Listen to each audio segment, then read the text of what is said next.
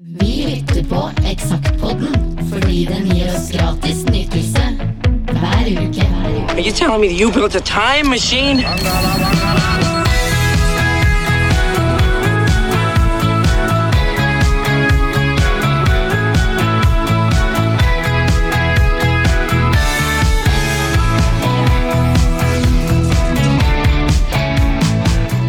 Sett på den andre sida her, men jeg har aldri visst hva det var der.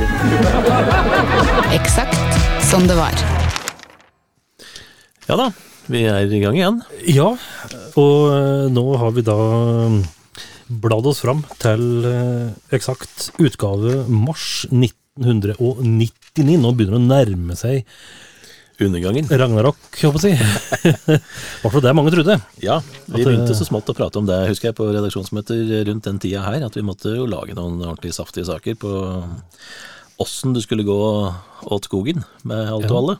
Ja, for det var jo mange som trodde det, at når du bikker bikke år 2000, da var det slutt.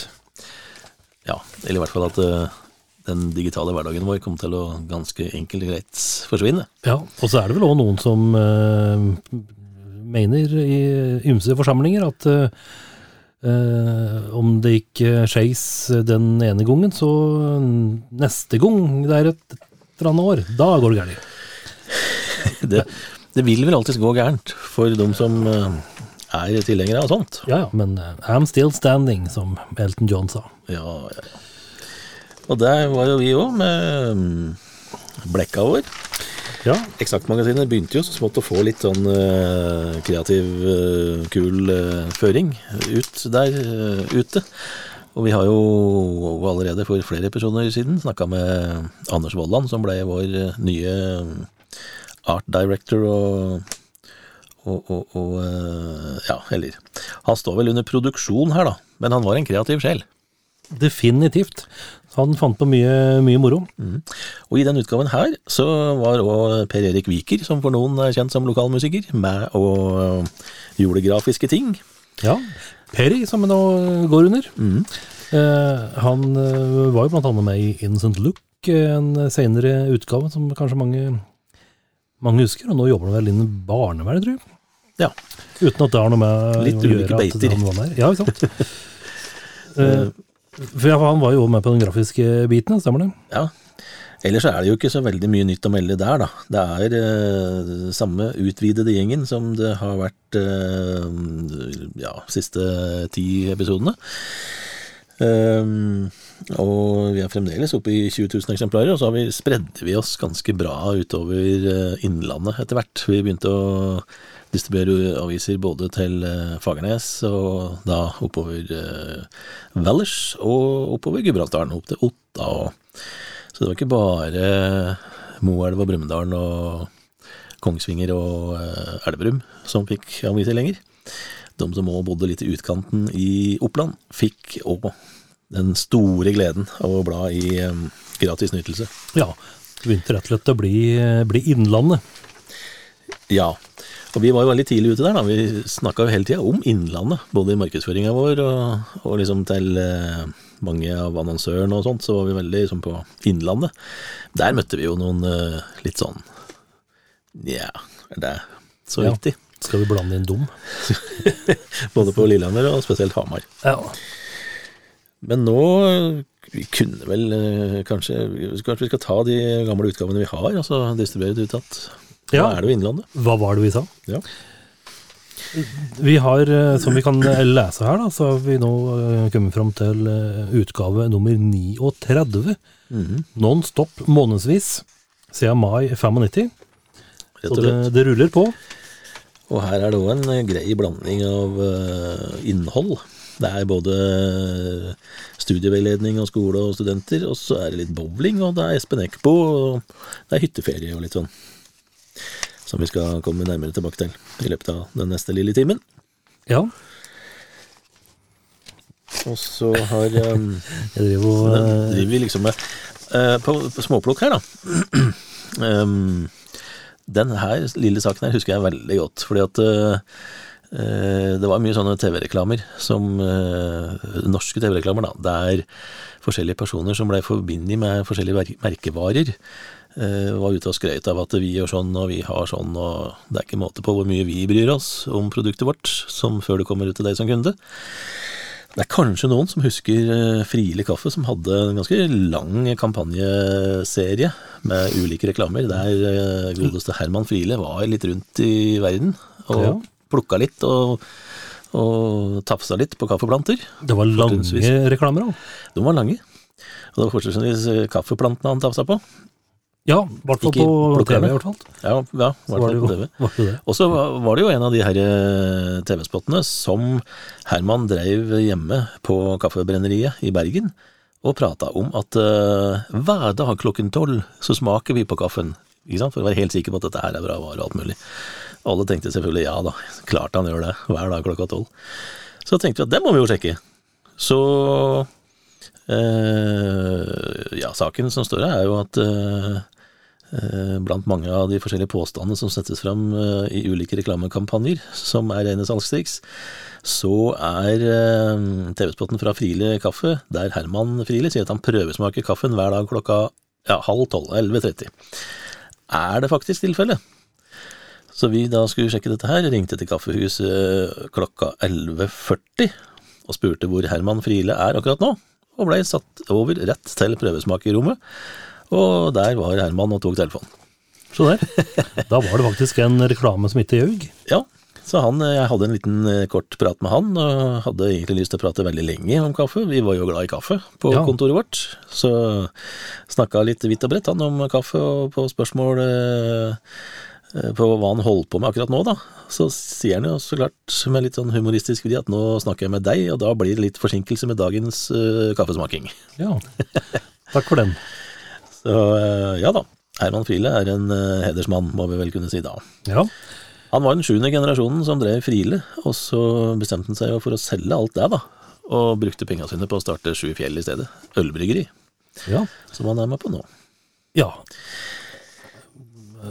Det, ja, åssen går det, vet du det? Du som er i Eh, Sju Fjell-bryggeriet er vel eh, blant de, eh, de Ja, det kalles jo mikrobryggeri. Det er jo det er litt stort som går best i landet. Så det er veldig fint å ha kronene til en fyr som Herman Friele i ryggen da, når du skal starte et bryggeri, så klart. Ha litt mer å rutte med da. Både på utstyr og reklame og alt. Ja, absolutt. Så Sju Fjell har jo faktisk klart å ta opp eh, kampen skikkelig med Hansa i bergensregionen. Jeg ser en annen liten eh, melding her på småplukksiden. Det er eh, at vi kan ha mellom et stort PC-salg. Og det står sjøl om det finnes mange PC-er rundt om, selges det stadig mer. I 1998 ble det solgt 90 millioner PC-er verden rundt, og det er en økning på 12% fra året før. Det amerikanske og europeiske PC-markedet utgjør 65% av det totale, og de tre største leverandørene er Dell, IBM og Compaq. Ja. Eh, dette her er da eh, nesten ti år før, eh, før eh, Apple bl.a. blant annet eh, markedsfører og presenterer iPhone, og nå skal jo alle ha Apple på eh, PC-en sin, eller på PC-en sin, på datamaskinen sin. Ja. Og det er spesielt telefoner som har tatt Apple til de høydene. Ja, og eh, som sagt, eh, jeg hadde jo, jeg hadde jo Mac sjøl på denne tida her, jeg har aldri hatt noe annet enn Mac. Og hadde du Mac i 1999, da var du Johan. Ja, hvis du ikke du drev med dette her, fordi vi, avisene rundt omkring, og også vi da, hadde jo Apple-produkter for produksjon. For det var fremdeles ikke så veldig kompatible programmer og sånt mellom PC og Apple-produkter. Så på Exakt-kontoret så gikk det i to digre Apple-maskiner. Mm. Så har vi en liten sak her om eh, del to av det som vi var innom for eh, en stund siden, om barneboktitler du aldri får se, da. Her, noen katter kan fly. Ehm, når mamma og pappa ikke vet svaret, sier at Gud gjorde det. Pusur for leukemi, den var jo faktisk en, det hadde vært en spennende bok å se. Ja. Pappa drikker fordi du gråter. Den er slem. Og du er annerledes, og det er ikke bra. jeg, tror ikke, jeg tror vi hadde fått litt annerledes og litt mer oppmerksomhet for den saken der nå i dag enn vi fikk den gangen. Det tror jeg. Den gangen så var det bare ha-ha, og Ja. så ferdig med det. Omre. Men jeg ser jo her da, at eh, vi hadde jo eh, stor konkurranse eh, i forrige utgave Ja, Akers Mikk delte rundhåndene ut plater, og vinner er sjølveste Egil Lundgaard. Ja, det var det. Så hvis Egil hører på nå, så får du ikke mer premier, men vi håper at premien fra 99 eh, smakte. Ja. Og så er det noe preik her. Har du lest noe av det? Jeg bare ser eh, på den ene her, den er jo eh, Det en som heter med overskrifta skrifta Flaut, nå må dere skjerpe dere. PR-kåte sports- og nyhetsjournalister kapper som å servere den ene morsomme kommentaren etter den andre. Snart er all nyhetsdekning en salig smørje av slapsticks og bløtkakehumor. Er det Rolf Jenslund som har skrevet det? Eh, Hvor er yrkesstoltheten og ønsket om å servere nyheter på en korrekt, saklig og objektiv måte? Jeg stoler liksom ikke på en journalist som i det ene, øyeblikket, i det ene øyeblikket rapporterer gråtkval fra krigen i Kosovo, og i det neste drar en liten grovis. Og helt til slutt, ærlig talt NRK, la dem slippe å få tredd folkeligheta, denne gangen representert ved trønderrockmafiaen, ned, nedover huet hver kveld i en uke. Skjerp dere. Eh, og eh, dette her er jo sikkert òg en liten sånn eh, solid vink til i hvert fall TV 2. Og Davy Vatne han var jo veldig sånn kvikk på slutten av sportsendingen. og det skulle være litt sånn gøyalt eh, der, da, så det kan hende at det er TV 2 som kanskje var eh, verstinga her. Ta litt lei sin eh, sitt eh, framstøt mot eh, useriøse TV-folk. Ja. Så er det en annen her som eh, heter Små og store katastrofer. Eh, en som da leste vår forrige utgave, der vi vel i en eller annen sammenheng nevnte at en hallo-dame i NRK skulle slutte, og det førte til landesorg. Er det da ingen som har tenkt på hvilken katastrofe det var som skjedde i sommer? Vidar Theisen slutta. NRKs kultfigur nummer én. Ja. Det var vel ikke så mange som huska Vidar Theisen da, det er i hvert fall ingen som husker Vidar Theisen nå. Bortsett fra vi som eh, var eh, litt over snittet interessert i kultfigurer. ja da, og værmelding. Og værmelding. ikke minst værmelding. Ja, ja her, ja. Her er vi da over på eh, på, på, på eh, eh, intervju, eller eh, portrettkapitlet igjen. Eh, et intervju med Espen Eckbo, som jeg gjorde. Han ble jo en liten sånn eh, Han kom, seilte veldig fort opp på sida i Mandagsklubben-sendingene som TV Norge hadde, og blei en eh, litt sånn artig fyr som eh, folk fikk veldig sans for veldig fort. Og da tenkte jo vi så klart at han må vi prate med, han må vi gjøre et intervju med. Ja, for her var han fersk i, fersk i faget. Det var jo faktisk det første han gjorde på TV, det der med det derre Ja, var det sånn på gata-greier? Jeg husker faktisk ikke hva det var, eller? Jeg husker ikke, for altså var det bunn... Altså, Det var små innslag i Mandagsklubben, det husker jeg. ja, men, men var det Torsdagsklubben som virkelig ble det store, og at Mandagsklubben var en liten flopp? Var det sånn det var? Så måtte begynne, Torsdagsklubben? måtte, måtte begynne på nytt, igjen, liksom for, for da kom Jespersen inn, og Thomas Giertsen, og at mandagsklubben ble litt sånn uh, og Oftebro skulle være litt sånn der i bølle, og det, Ja, ble, det ble litt smitten og sjung. Men dette her er jo da Mandagsklubben når det var stort Ja, riktig, stemmer. i starten. For her kommer jo da Espen Eckbo inn som en sånn uh, figur med noe ja, greier. Og som vi skriver her da, at de som har sett programmet kan ikke ha unngått å få med seg en eller flere av innslagene som Espen Eckbo besørger hver uke, som hoff i alle mulige varianter. Det var der han så smått begynte å lage sånne hoff, uh, hoff-figurer. Ehm, så ja, vi ringte jo til han, og han skjønte jo ikke i det hele tatt hvorfor vi hadde lyst til å gjøre et stort intervju med han. Men det mente vi at det var jo folk selvfølgelig interessert i. Så vi møtte han på eh, Jeg tror det heter Kafé Frølik, oppe nederst i Drammensveien der. Eh, han var veldig beskjeden. Hyggelig og høflig, og veldig beskjeden. Og syntes det var eh, litt rart å sitte i en intervjusituasjon, så han lurte på om vi kunne gå opp i andre etasje, og det gjorde vi jo. Eh, satt litt mer eh, unna folk og unna oppmerksomheten der. Det ble jo et ganske langt intervju, vi satt der et par timer, og han prata om alt mulig rart, om både planer han hadde, om Mandagsklubben, og starten på, på skolerevyer og alt mulig sånt noe. Så mm, det var jo Og inspirasjon, selvfølgelig. Om både KLM og Wesensten og mye rart sånt. Veldig hyggelig mm, eh, hy- Hyggelig og trivelig fyr. Og det er han jo for så vidt ennå.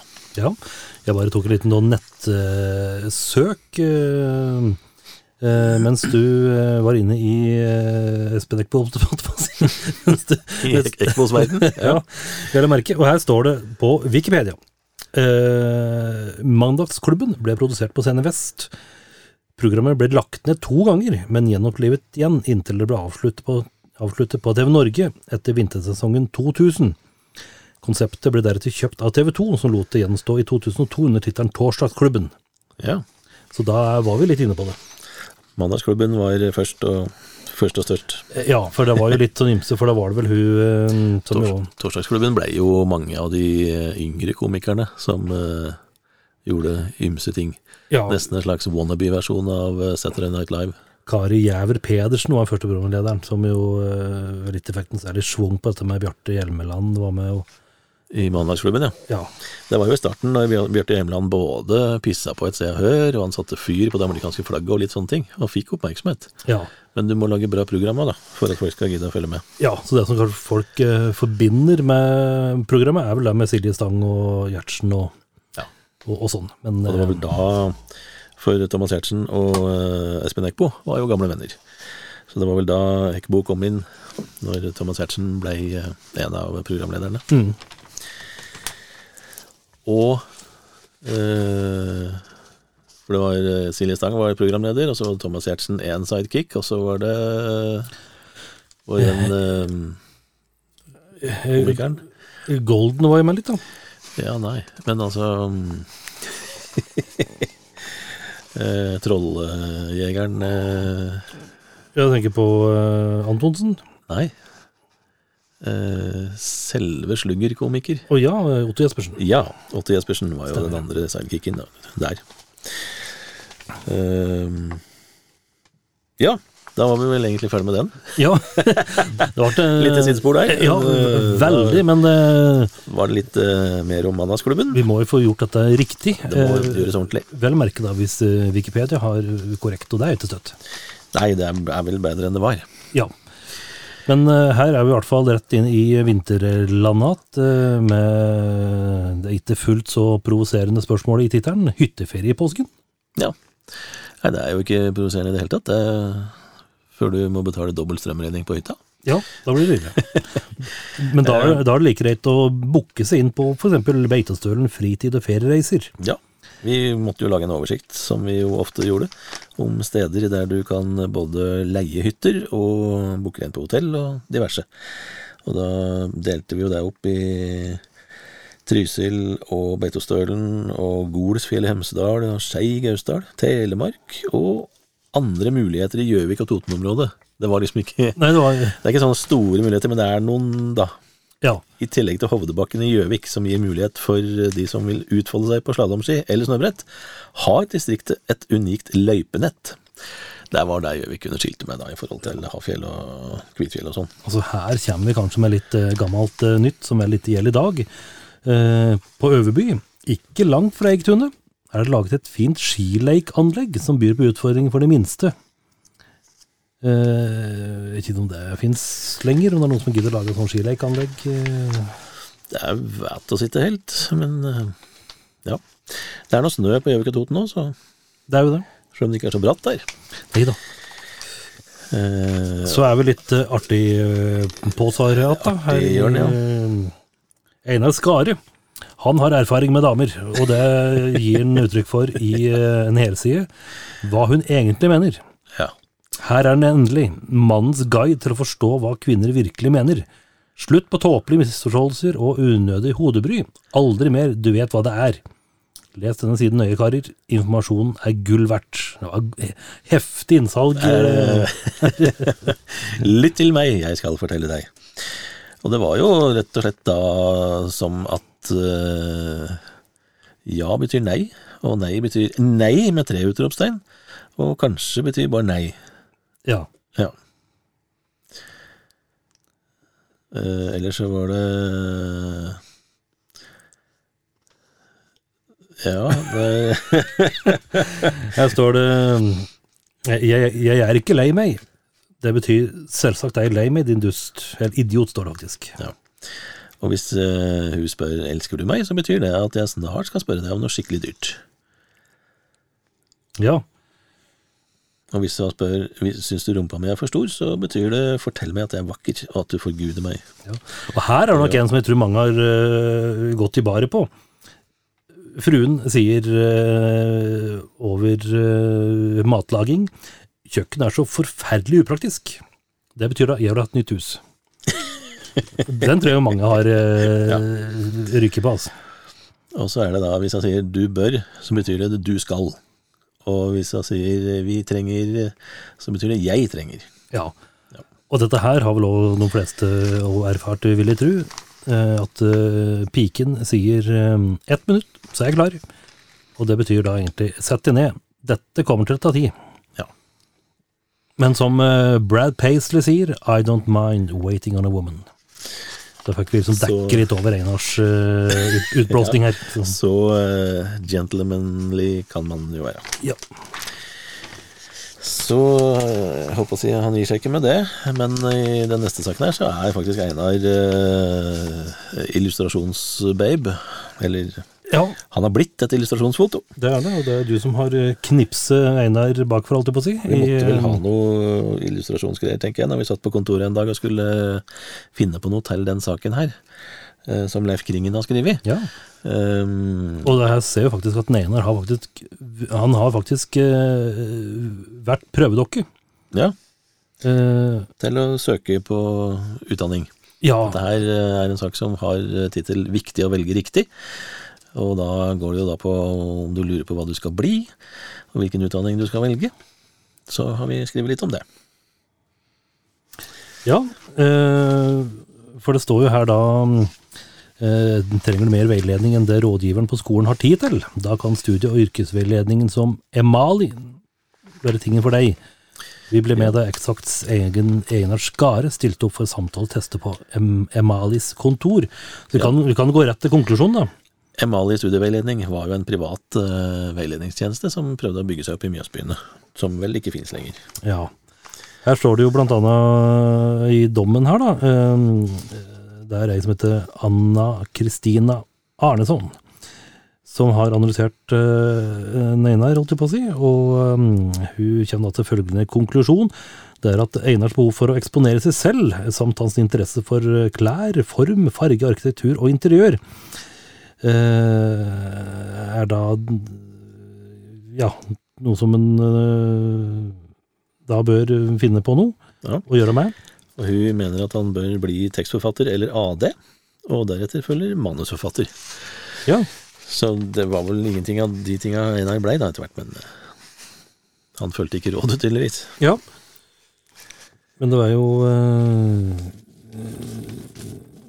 Det ble jo for så vidt eh, Han sier jo sjøl her at det var litt overraskende at det så klart uh, sto at jeg bør satse på et kreativt yrke. Ja. Einar var jo en kreativ sjel, han, så det burde jo ikke overraske ham. Nei, egentlig ikke. Så uh... Eller er en kreativ sjel. Var en kreativ sjel i Eksakt. Uh, er en, fremdeles en kreativ sjel i studentmiljøet på Gjøvik. ja, det er fint på mye, mye bra, for studenter. Og så har vi jo fulgt opp dette her med hva skal du bli når du blir stor. eh, Da en oversikt over de forskjellige høyskoler, og både private og offentlige og sånt, i eh, hele landet. Like gjerne. Ja. Og det som er litt eh, artig å se her, her ser vi bl.a. mm, Arkitekthøgskolen i Oslo, eh, boks 6768, St. Olavs plass. Jeg satt og så på dette, det er ikke én eneste e-postadresse her. Her er det altså postadresser og telefonnummer som gjelder. 0130 Oslo 2299 7000. Så ja, ikke en eneste e-mailadresse, ikke en eneste mm, webadresse. Her måtte du sette deg ned og bruke Du kunne jo selvfølgelig bruke PC-en din og skrive et brev, men så måtte du sende det i posten til eh, den aktuelle skolen, eller ringe og snakke. Ja, Så er vi på film. Ehm, ja jeg det ser jo første som uh, føyk forbi øya mine, var da Rugrats-filmen. Rugrats the Movie, som jo var litt småartig. Ja, jeg så rett på Fucking Åmål, som jo Ja. virkelig eh, Den eh, Den eh, ja, det ble uh, pratet på kultfilm, kultklassiker, og en eh, viktig film for eh, ungdom i alle aldre. På 90-tallet, ja. Eller Ja. ja. tidlig 2000. Mm. Lucas Modusson ble jo også en uh, skikkelig stjerneskudd-regissør med den filmen her som, som regissør. Ja, Den Eh. eh, ga jeg en sekser, ser jeg her, og den fortjente jo det. veldig bra. Good, Alexandra, ja, Alexandra Dahlstrøm og Rebekka Liljeberg i hovedrollene. Og det vel, var vel en av de aller første filma ungdomsfilm som tok om dette med, med øh, homofilt uh, forhold og Mm. identitet og finne seg sjøl, da. det er jo det som er stikkord her. Kjærlighet, smerte og opprør. Ja. Eh, og så var det den nye, norske filmen 'Suffløsen' med Hege Skøyen og Sven Nordin. Eh, den ga jeg en firer. Den hadde premiere da i eh, mars 1999. Eh, og så Payback-filmen til eh, Mel Gibson hadde premiere da. Den ga jeg en treer. Ja, det var bra. Den, det var, er jo en artig hevnfilm, for så vidt. Det er det jo. Eh, og Patch Adams, da, ikke minst, som eh, Robin Williams hadde hovedrollen i, som jo er basert på en sann historie. Fantastisk fin film. Femmer kan jeg se her. Ja, den fortjener den i hvert fall. den øh, bør nesten få en full pott. Og så var det Ja Det var jo en, eh, en film som het Hillary and Jackie, som jo ville ikke ha gått på TV i det hele tatt, tror jeg. Men eh, Emily Watson i hovedrollen, en fantastisk skuespiller, som jeg ga en femmer. Så er det litt øh, krig, da, med The Thin Red Line. Ja. Terence Malick sin eh, film med Sean Penn, John Travolta, Nick Nolte og John Cusack, Woody Harrelson og George Clooney i samme filmen, det var jo Ja. solid. Femmer fikk den. Og så var det jo en film som het The Faculty, som vel ble, var en, lansert som en sånn slags uh, thriller-skrekk-ungdomsfilm, som vel var bare teit. Han fikk en toer, da, altså. Mm. Så er det mer intervjuer. Um, her ser jeg at uh, Skal vi se Det er et The Real Thing-intervju. Det var jo fremdeles mens The Real Thing var sånn forholdsvis ukjent blant folk flest, men i jazzmiljøet så var de jo godt kjent. Uh, det intervjuet her uh, var jeg på Norsk Musikkhøgskole, Norges Musikkhøgskole heter det vel, um, og gjorde. Sigurd Køhn, nei, unnskyld, ikke Sigurd Køhn, men Staffan William Olsson uh, var gitarlærer, eller er vel fremdeles gitarlærer, på Norges Musikkhøgskole. Og der hadde Real Ting da øvingslokale på en fast en kveld i uka, og da var det bare å møte opp der og fikk knipsa litt bilder av dem og snakka litt med dem. Ja. Trivelig gjeng, men de var litt småstressa på at de egentlig skulle ha begynt øving. Eh, Men de var ikke uhøflige allikevel, da, så jeg fikk jo prata og fikk jo gjort det jeg skulle. Men ja. de var veldig kjappe med å begynne å spille og øve når, de, når jeg liksom var ferdig med det jeg skulle prate om og spørre om. Ja, og det ble litt øh, bilder under øvinga, for her, her musiseres det. Absolutt. Jeg var jo da det var rett i gang med øving med en gang, og, og da var det bare å ja ja, knips i vei. Så da ble det litt uh, photos in action. Ja. Eh, så det var eh, Og det var da fremdeles mens Sigurd Køhn var med i bandet, da. Før den eh, den Tsunamien da, tsunamien, ja. 2004. Som han omkom i. Ja. Veldig triste, triste saker. Så er vi over på norsk lyd. Her har da Skal vi sjå Ja, siden vi da snakker, snakka om, om real ting. Her er jo både Staffan William Olsson med en soloskive som du har anmeldt til en sekser, Den er bra, altså. og en Pål Wagnberg, eh, Eat Meat-plata hans, da, som du har anmeldt til en firer. Ja. Eh, Jeg har nok ikke hørt så mye på Wagenberg-skiva opp gjennom åra, men eh, den Smile-skiva til Staffan Wilhelm Olsson, den har jeg hørt veldig, veldig mye på. Den har jo blitt en moderne norsk jazzklassiker. ja, helt uh, fantastisk uh, skive, altså. Det er jo hvert fall hvis den lik uh, gitarjazz, litt sånn type ja, litt sånn uh, Lee Rittenauer mot eh, gammel eh, Joe Pass, liksom, så er det nydelige saker. Og her har han vel nå med seg Børre Dalhaug. Han ble vel med etter hvert i Real Thing, ble han ikke det? Eller er han der nå? Jo, han eh, er med. Så han driver altså bytte, bytte på de folk her. Mhm. Og så Coran Caveman-plata, Long Days Flight Till Tomorrow, kom da i mars i 99, som jeg anmeldte til en firer. Coran Caveman er jo et uh, kult band som godt kunne ha fortsatt. Ja. Og så er det jo da Infinity, eh, som enten så er den så bra at, den, eh, at terningkast ikke er nok, eller så er den så dårlig, for det er ikke noe terningkast der. Jeg, jeg husker faktisk ikke om det var et, eh, et slags eh, forsøk på, en, eh, på et poeng, eller om vi glemte det. Men det er jo ikke rare anmeldelsen som For en gangs skyld skriver plateselskapet i presseskrivet at, til den plata her at dette er enkel musikk som skal tjene til dansemusikk for et publikum mellom 10 og 18 år. Ærlig og helt greit. Ja, Men det er lett parodisk popmusikk. Der de tre gruppemedlemmene ikke legger skjul på at dette gjør de på grunn av, ikke pga. musikken, men fordi det er gøy og at man kan tjene litt penger på det. står det på slutten at eh, dette fungerer så midt i blinken mot, målgruppa at det bare er komplett umulig å gi en karakter på noe slikt. Ja. Det er klart når du lager popmusikk for tiåringer, så ja. Det ble ikke noe karakter, nei. Det ble ikke. Åge Alessandersen sin prater da. Den eh, Flyg av sted, het den som kom i 99. Den eh, ga jeg en firer. Eh, Jeg husker ikke så mye fra den plata. Nei, den er Bare den var sånn tri- småtrivelig, og ikke Ja. noe sånn Ikke noe spesielt, egentlig. Det var det. Og så her var jo We, da, med Thomas Elberg, eh, unnskyld, Felberg i, i spissen. Uh, et band som egentlig aldri har fått taket på. Jeg har sett dem matte ganger live, for uh, spilte veldig mye på Hamar. Mm.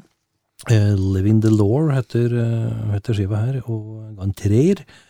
Og det er vel litt sånn eh, Ja, Glucifer satte på en måte litt sånn standard da, for sånn type norsk buldre, buldrerock. Og så kom det sånn We etterpå, liksom, så det ble liksom at du sammenlignet veldig med Glucifer. Ja. Og det er vel som du skriver i slutten av anmeldelsen her, at uh, albumet er alltid alt noe ujevnt. Så We var vel alltid alt litt sånn ujevnt. Ja, det var jo det. Bra, men litt sånn midt på treet. Ja, Du kan jo kikke på fem eh, på topp-lista di. Der har vi da Kula Shakers, som jo er et eh, veldig morsomt, kult band, men som vel ikke har eh, fått eh, den oppmerksomheten de fortjente. Og jeg vet ikke om de holder på ennå heller, men eh, Peanuts, Peasants and Beans heter den plata her. Andre albumet de ga ut. Eh, og så eh, er det jo et av de aller, aller fineste soundtrackene jeg veit om. Eleni Carandro, som er en gresk komponist, pianist som har laga filmmusikk til Eternity and a Day. Og så er det soloskiva til Fish, Rain Gods with Zippos. Er jo en fyr vi Den gamle Marillion-vokalisten. Fyr vi liker godt. Og så er det kanskje en av topp fem kuleste plattetitler. Det er så bra. With Zippos. Det er så bra. Og så på fjerdeplassen har vi Mrs. Wood. Husker ikke hva det er for noe i det hele tatt. Med plata het Woodworks. Femteplassen Dystopia, The Second Dawn, husker jeg heller ikke noe særlig om, rett og slett. Men jeg husker jo Christine Ricky, som vi skrev en en liten eh, Vi hadde jo stadig noen skuespillerprofiler og storyer. Så da måtte vi selvfølgelig lage en eh, bra story på Christine Ricky når hun skulle prøve å bli voksenstjerne. Ja. Vi er jo glad i hun. Det er vi. Lager vel ikke så mye, veldig mye film lenger, men Nei, bare stille nå. Men vi er òg veldig glad i de gode gamle Hva skjer-siden her. Og vi får se om vi Vi finner noe moro eh, her nå. Vi ser jo rett på 2. mars, da. Dr. Feelgood på Smug. ja. Og 20. mars så spilte våre egne hjemlige helter Nicholson Dimes på Lille Maud på Smuget. Ja, ikke dumt. Um, på 3. mars, eh, hvis du var på fritidsgården på Hønefoss, da kunne du bli med på Marius Müllers gitarklinikk. Og Siri Svaleband, som vel var, eh, var det bergensbasert, hadde en konsert på Kulturhuset Banken på Lillehammer 21. mars. Ja. 5. mars var det Siri Negård på Chaplin kafé på Gjøvik. Ja. Og 31. mars så spilte The Original Bullshit Band på Lillemold på Smuget. Der gjorde de jo mange ganger. Mm. Ehm, Ottar Big Hand og Bill Booth spilte på SAS-hotellet på Lillehammer eh, 27. mars. Ja. 7. mars, eh, minnekonsert på Smuget. til hvem, hva, hvilke, eller eh, Det det var kanskje sånn fritt, fritt minne. Det vi kom, kom å minnes noen. Ja, Min, min- det var ikke alltid vi fikk med oss eh, veldig mye info. Min eh, den du vil. Apropos det, så 10. mars, da hadde omtalte Sigurd Køhn eh, slapp-konsert på sin eh, nye skive på Smuget. Så alle tre Realting-gutta ga ut soloskiver ca. samtidig. Ja. 12. mars så hadde Vazelina Bjørnebøkers de hadde show på Kulturhuset Banken for fulle seil. Ja, det var jo den gangen de var mer teater enn band. Ja, og samme da, dag så har jo jo, uh, unnskyld, Big Bang har eh, slapp-konsert på John D. Ja.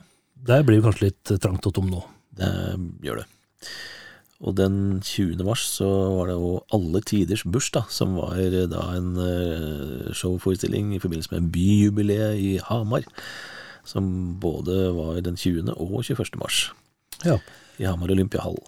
Vi ser jo her på 15. mars så er det konsert med Levende Lys. Jeg vet ikke om det er i Storhamar kirke på Hamar. Jeg vet ikke om Er det noen som heter Levende Lys, eller er det bare Ja, et, det det er et kor som heter Levende Lys. Levende Lys som synger? Ja, Så det er vel begge deler, antagelig. ja for så vidt. når de har en konsert. Eh, og så var det årets russerevy i Kulturhuset Banken på Lillehammer den eh, 18., 19. og 21. mars. Ja. Og så var det jo litt eh, ymse å ta fatt i da, på den 19., for da kunne du enten få med deg eh, Texas Twisters på smuget, eller så kunne du få med deg New Conception of Jazz på Rockefeller. Ja. Eh, Jan Bang blant annet, og så Oslo Filharmonisk Orkester spilte på, eller i Maihaugsalen, mens Bjørn Eidsvåg han var på Biri, i Biri kirke. På Raufoss, der var Geir Lystrup med Dette et stykke han hadde i mange, mange år, om Brakaruana.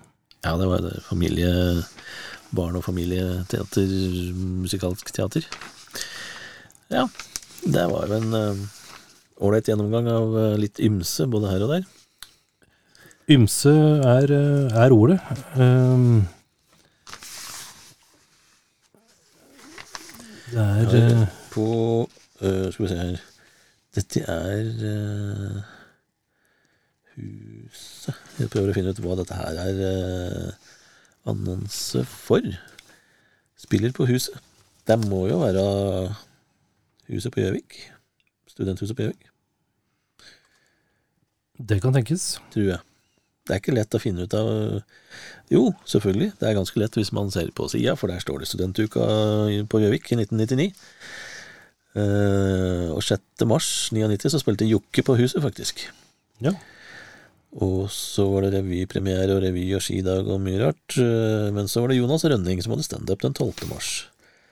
Og Irsk ølfest med Highland Fling 13. mars. Irsk ølfest Jeg mistenker at det er litt småharry for studenter nå. det kan eh, tenkes. Yes da. Vi er over på unorsklyd ut i det store utland. Ja, og her eh, ser jeg bare et hav av plater jeg nesten aldri har hørt på. Da kan jo jeg begynne med Kula Shaker-albumet, da, så den som jeg snakka om i stad, som var på topplista mi, Peasants, Pigs and Astronauts, som jeg ga en sekser. Som er eh, altså Kula Shaker er fremdeles et av de tøffeste rockebandene som finnes, syns jeg. Jeg ser jo her at eh, Roxette kom med ei plate som eh, heter eh, Have a Nice Day. En firer, hadde kanskje gitt en treer nå. Jeg syns uh, Roxette etter hvert ble litt uh, små, småslapt.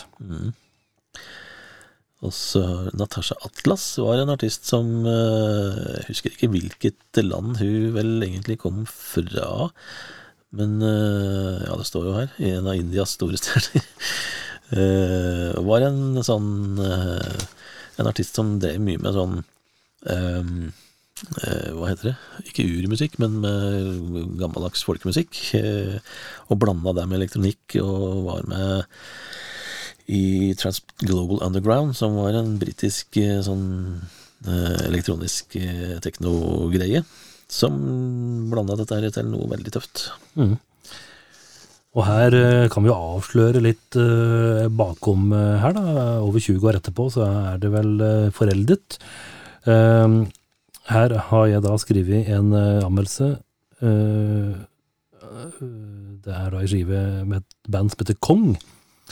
Freak Control heter den. Terningkast tre, og jeg leser. Eh, hollandske Kong leverer her til tider et spennende og ikke minst et eksperimentelt album. Basisen ligger i et teknoland, men materialet er ispedd tunge rytmer og litt gitarer her og der. Det er ikke den letteste oppgaven å bli kjent med Kong i en håndvending, men tar man seg tid til å bli kjent med alle kriker og kroker som finnes på Freak Control, finner man raskt ut at her er det utrolig mye artig å ta tak i. Ergo, det står ikke en drit. Nei, det, altså hvis vi leser noen av plateanmeldelsene våre nå, så er det ikke sikkert vi klarer liksom å Hvis vi ikke husker plata, så er det ikke sikkert vi klarer å lese oss til hva det egentlig var, heller.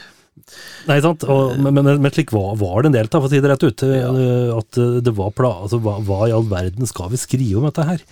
Men du må skrive litt, og så For å være litt arrogant, så Vi, vi, vi kunne jo triksa til å tørrskrive og skrive ting uten at det sto noe, men som så kult ut. Og i hvert fall så fort du er nede på en treer og en toer i karakter, Ja. så sier jo det noe om at dette er jo ikke spesielt interessant eller bra eller noe som helst. Ehm, og dette er jo en Vi kan jo bare ta noen av de treerne vi har her, altså kan jo folk sjøl tenke hvem av de artistene her du har hørt om. Learning from Las Vegas, eller Newsboys, eller Hedninger, da, kanskje noen har hørt om, Ja. eller Kelly Willis, eller Ba- Tommy Barusta. Castro. Ja, eller Kong, eller Cassius. Ja, Cassius har kanskje noen hørt om. Det er eh, eh, Ja, vi skulle jo skrive en del, og så skulle vi tenkte vi vel ofte at vi skulle prøve, da, ikke gjenta oss sjøl for mye uh, innafor forskjellige sjangere og karakterklasser og sånn.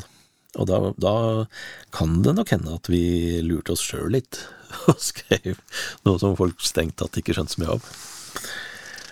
Um, men ellers er det en, eh, ja, en anmeldelse av Annie Di Franco sin Up, Up, Up, Up, Up, Up-plata her.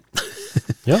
Anne de Franco er en artist jeg syns er artig, alltid har vært bra. Så firer på den plata der. Mm. Misha Alperin er en jazzmusiker, da, som, eller var en jazzmusiker. Han er jo ikke blant oss lenger, dessverre. Uh, ECM-artist, som jeg ga en femmer her, ser jeg, som uh, har lagd fantastisk mye fine, spennende plater. First Impression het denne her. Femmer i 99. Ja. Se på neste side. Her ser jeg med en gang at jeg har eh, uh, kardinalsynd. Uh, Britney Spears kom her da med Baby One More Time-skiva. ja. Ga igjen en slapp treer. Det er jo skandale. Dette er jo et pop...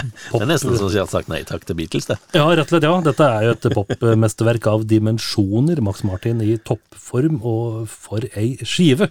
Så her er det rett og slett skandaløst uh, her. Full pott til uh, Baby One More Time, spør du meg nå. Altså, så skriver du jo til å begynne med her da, at det ikke bare ser bra ut, men høres bra ut òg. Ja, absolutt. Uh, lett popmusikk med klare referanser til 80-tallet. Uh, men uh, dette var Ja, altså, det er på en ganske bra anmeldelse, men en treer det er, Vi satser på trykkfeil. Ja, til sammenligning altså, ga du jo òg The Olivia Tremor Control-skiva, Black Foilage eh, samme karakter. What? Jeg tror du husker den like bra. Nei, vet du, vet du. Helt uh, Men det som jeg, jeg har Jeg syns det var litt uh, at jeg fikk med et artig poeng her, da. At uh, på Britney Spears-skiva at uh, oppdatert er damen også. Nå er det ikke eh, Nå er det slutt på Love Letters in the Sand. Eh, nå er det Email My Heart. Så det var en mer moderne variant. da. Ja, ja, ja. Så, men jeg beklager til uh, frøken eh, Spears. Eh, dette her var en dårlig, dårlig anmeldelse. Jeg tror jeg tar det helt eh, greit. Det får vi håpe. Eh, men uh, en annen plate som jeg syns er eh, veldig bra, det er jo den som du har skrevet om, Toto Minefields-skiva. En Ja. firer. Jeg, jeg syns den eh, svinger bra, jeg. Ja, jeg sammenligner den kanskje litt for mye med The Seventh One. Ja, for den er jo trippel så bra. Det er jeg helt enig i. ja. Men Minefields er helt ålreit, den. Så både den fikk en firer, og det gjorde også Underworld med Boku-plata si, og Rasmus, som jo ble ganske stor med, med Hello for Tester, er det den heter? Ja. Jeg heter det, finske Rasmus. Og Coldcut var jo òg et band som var litt sånn ja, opp, oppe og framme. Da fikk en firer. Uh, ja. TLC har du skrevet om. Det har jeg.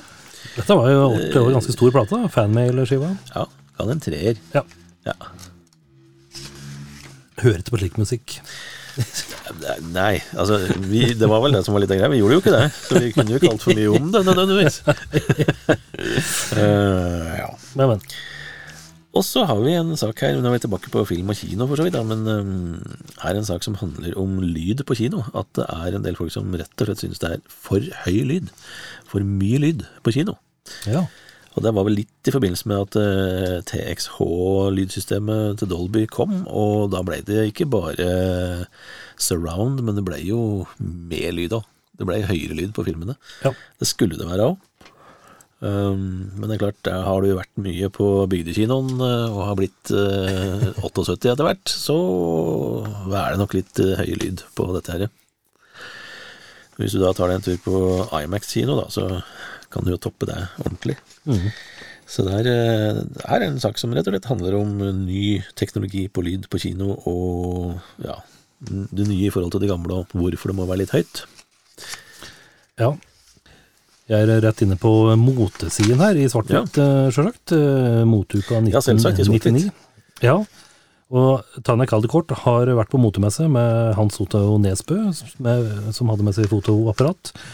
Og her står det, står det jo blant annet Konferansier Dorte Skappel var preget av dårlige forberedelser. Hun glemte, rotet, snublet, fniste og beklaget. Ja. Jeg velger å tro hun var, hun var kjempesyk. Kjempesyk, faktisk. Ja. Så dette høres jo ut som en sånn helt vanlig God kveld Norge-sending med Dorte Skappel. Så, ja, for så vidt. så, så Det det var da Future Fashion Show, og litt sånn høsten 99, vinteren 2000. Ja. Og det var jo litt av moten av det. da Det dukka plutselig noe litt sånn future-greier inn i mye rart, sånn mot 2000. For dette var jo liksom Ikke at det var så veldig langt fram, men år 2000 var jo Da skulle det være teknologi, da. Men vi trodde jo alt skulle gå i dass likevel, Ja. på nyttårsaften. Så jeg vet ikke helt hvor, hva vi egentlig tenkte, alle mann, men Men, men det, det er jo to sider her med farger òg, da. Ja, jeg så det. Ja, så vi fikk jo faktisk til det òg. Håper jeg også som vanlig. Vi måtte jo velge litt. To svart-hvitt og to farger, veldig ofte. Mm. Så um, futuristisk enkelhet for nytt årtusen er da et stikkord på moten da. Ja, og det var jo da fine Fine Hva er dette for noe? Eh, eh, strikkeplagg som var tingen Uh, Ja, der var det mye av der. Så er det, blar vi litt videre, så finner vi mye hard lyd, både på platefronten og på intervjuene. Ja, Her er det jo eh, både et intervju med Crust of Darkness, som vi jo fulgte nært i hele, har gjort i hele karrieren, og, og så er det et eh, band som heter Mindset. ja eh, sistnevnte mer, mer ukjent. Eh, Crest of Darkness eh, og Ingar eh, Amlin, vi hadde jo intervju foran eh, hver, eller i forbindelse med hver, hver skive. Og her kom jo da her kom jo da ei plate som heter The Ogress, som jo måte var et konseptalbum. for Fra, tok hun for seg massemordersken Bell Gunness fra Gudbrandsdalen, som herjer i USA. Hun, hun eh, gjorde, gjorde seg fager og, og vakker, og fikk eh, lokke inn eh, karer i huset sitt, og borte ble om. Eh, Amelin kjører full, full gass. Eh, Kristin Fjellseth er eh, med på hele plata og er på en måte både en slags fortellerstemme, men også den eh, kvinnelige biten da, i storyen om eh, Bell Gunnes. Og litt artig, for her var jo da mm, Conception eh, lagt på is, men både Roy Kahn og Arve Heimdal er med på skiva, så det var en liten sånn mini-reunion da på, um, nei, på eh, Sinister Scenario-skiva til Amelin. Og kjapt på platen så kan vi jo, er det jo eh, nydelig skive med Dimmu Borger, en femmer til eh, Spiritual Black Dimensions, en solid eh, klassiker. Og så er det jo eh, et eh, blant annet et eh, band som heter eh, Exhumed. Som er, det er brutale saker. Gore metal heter plata, og det er, jo- det er, det er jo sjangeren til Exhumed. Dette her er fort og brutalt og rått. Det er nesten så Cannibal Corpse blir heismusikk, så her er det heavy, heavy saker. Og så er det litt artig da, med, med Overkill, eh, skive som heter Necro Shine. Og Overkill eh, Jeg dumper innom eh, en greie med Overkill på YouTube her om dagen, fra Wacken. Ja. Og eh, Bobby Ellsworth, eh, vokalisten, han, eh, han er en sånn fyr som har en ganske gnellrende stemme når han synger, og han prater slik òg. Så det er litt artig. Ja. Det blir litt sånn derre All right, next song is Så det er litt eh, stas. Og Didi Verney på bass, han er jo da Mark Kings eh, rake motsetning, for der Mark King har eh, bassen oppe i hokoa, så har eh, Didi Verney bassen ned på legga. Så artig band med, med Overkill. Da. Det er litt sånn à la Motorhead. Har du sett en halvtimes tid, så har du sett det, liksom. Ja. Kjapt på min topp fem-liste. Staffen William Olsson med Smile. Dimmy Borger, Ten Foot Pole. Him, faktisk. Og Roxette, Have a Nice Day. Her burde jeg i hvert fall få dytte inn Amelin, da. Det, ja, du burde vel egentlig det. Veldig pussig. Kanskje den kom senere. I hvert fall Him, da, som er så fælt. Men uh, ja, ja, det var mye rart den avis her. Ja, det skjedde jo mye. Ja. Mye rart. Ehm, så er vi på en uh, sak som du og jeg har laga, eller du har skrevet og jeg har tatt litt bilder. Syns jeg minnes at vi tok en redaksjonstur på bowlingen. Ja, dette her er òg en sak som jeg husker, men på en måte liksom ikke husker. Jeg vet vi gjorde noe greier på, på bowling, men eh, Og jeg mente, jeg prater jo med han fyren som, eh, som, som drev der, men jeg husker liksom ikke greia. Nei, dette her var rett og slett å skrive om bowling i, i dag. Hvordan bowlingen liksom har sin plass blant folk, da. Ja. Både med pensjonistbowling og diskobowling og forskjellige bedriftslag og alt dette her. Så det var jo vår, vårt forsøk på å gi bowlingen en eh, fair eh, sak, rett og slett. ja. Geir. Ståle Kristiansen var basen på bowlingen. Ja, stemmer. Han, han har vi pratet med. Stemmer, stemmer. Det ble en eh, gild sak, i hvert fall, om bowling. Ja, Strike, selvfølgelig. Så er vi på Men hvem, er det, hvem har du tatt bilde, da? Er det Audun? eh, Du kjenner bakhuget på, på, på Audun, men uh, Litt usikker på om dette er Erlend Refsdal eller Audun Nilsen eller Einar Skare. er kanskje det. ja. Jeg er ikke helt sikker. Det er i hvert fall en uh, høy og mørk. Ja. Og grå, for det er svart-hvitt bilde. Ja. Eh, på Felix vi har annonsert for sin eh, konsert eh, fredag 13. mars, som, der Misconduct spilte sammen med Last Days of April fra Sverige. Eh, ellers her, så Ja, den nevnte vel du i stad. Chaplin. Eh, Silje Nergård spilte, som hadde med seg Tor Gustavsen eh, og Jarle Vespestad og Harald Johnsen. Ja. Det var jo et fint band. ja, minst. Mildt sagt. nå. Ja, fy søren, det hadde vært en grom, eh, grom kveld.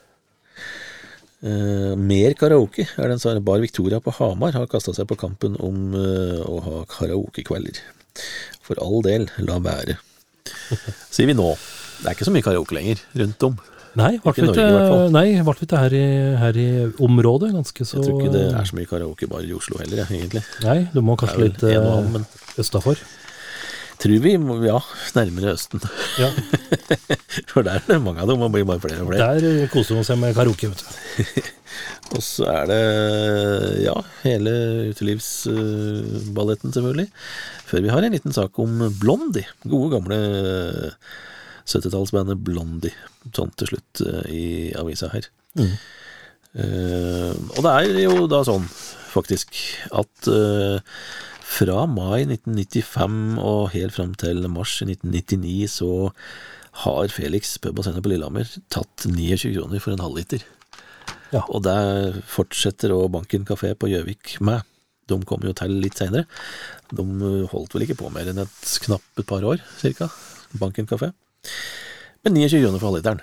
Ja. Ja. Ikke noe nytt uh, i dag heller. Nei. Nå blir det jo lite nytt uh, ta 25 år gamle nyheter, men eh, vi, får, eh, vi får se om, eh, om etter hvert noen tør å rykke ifra da, og, og eh, sette opp prisen på, på ølet sitt. Vi får se om, eller når, det blir bikker 30 kroner for de billigste. Ja, da må vi ha kake. Ja, kanskje det. Marsipan. Det går an. Vi høres om ei uke. Jepp. Vi lytter på Eksaktpodden fordi den gir oss gratis nytelse hver uke. Hver uke. Are you telling me you built a time machine?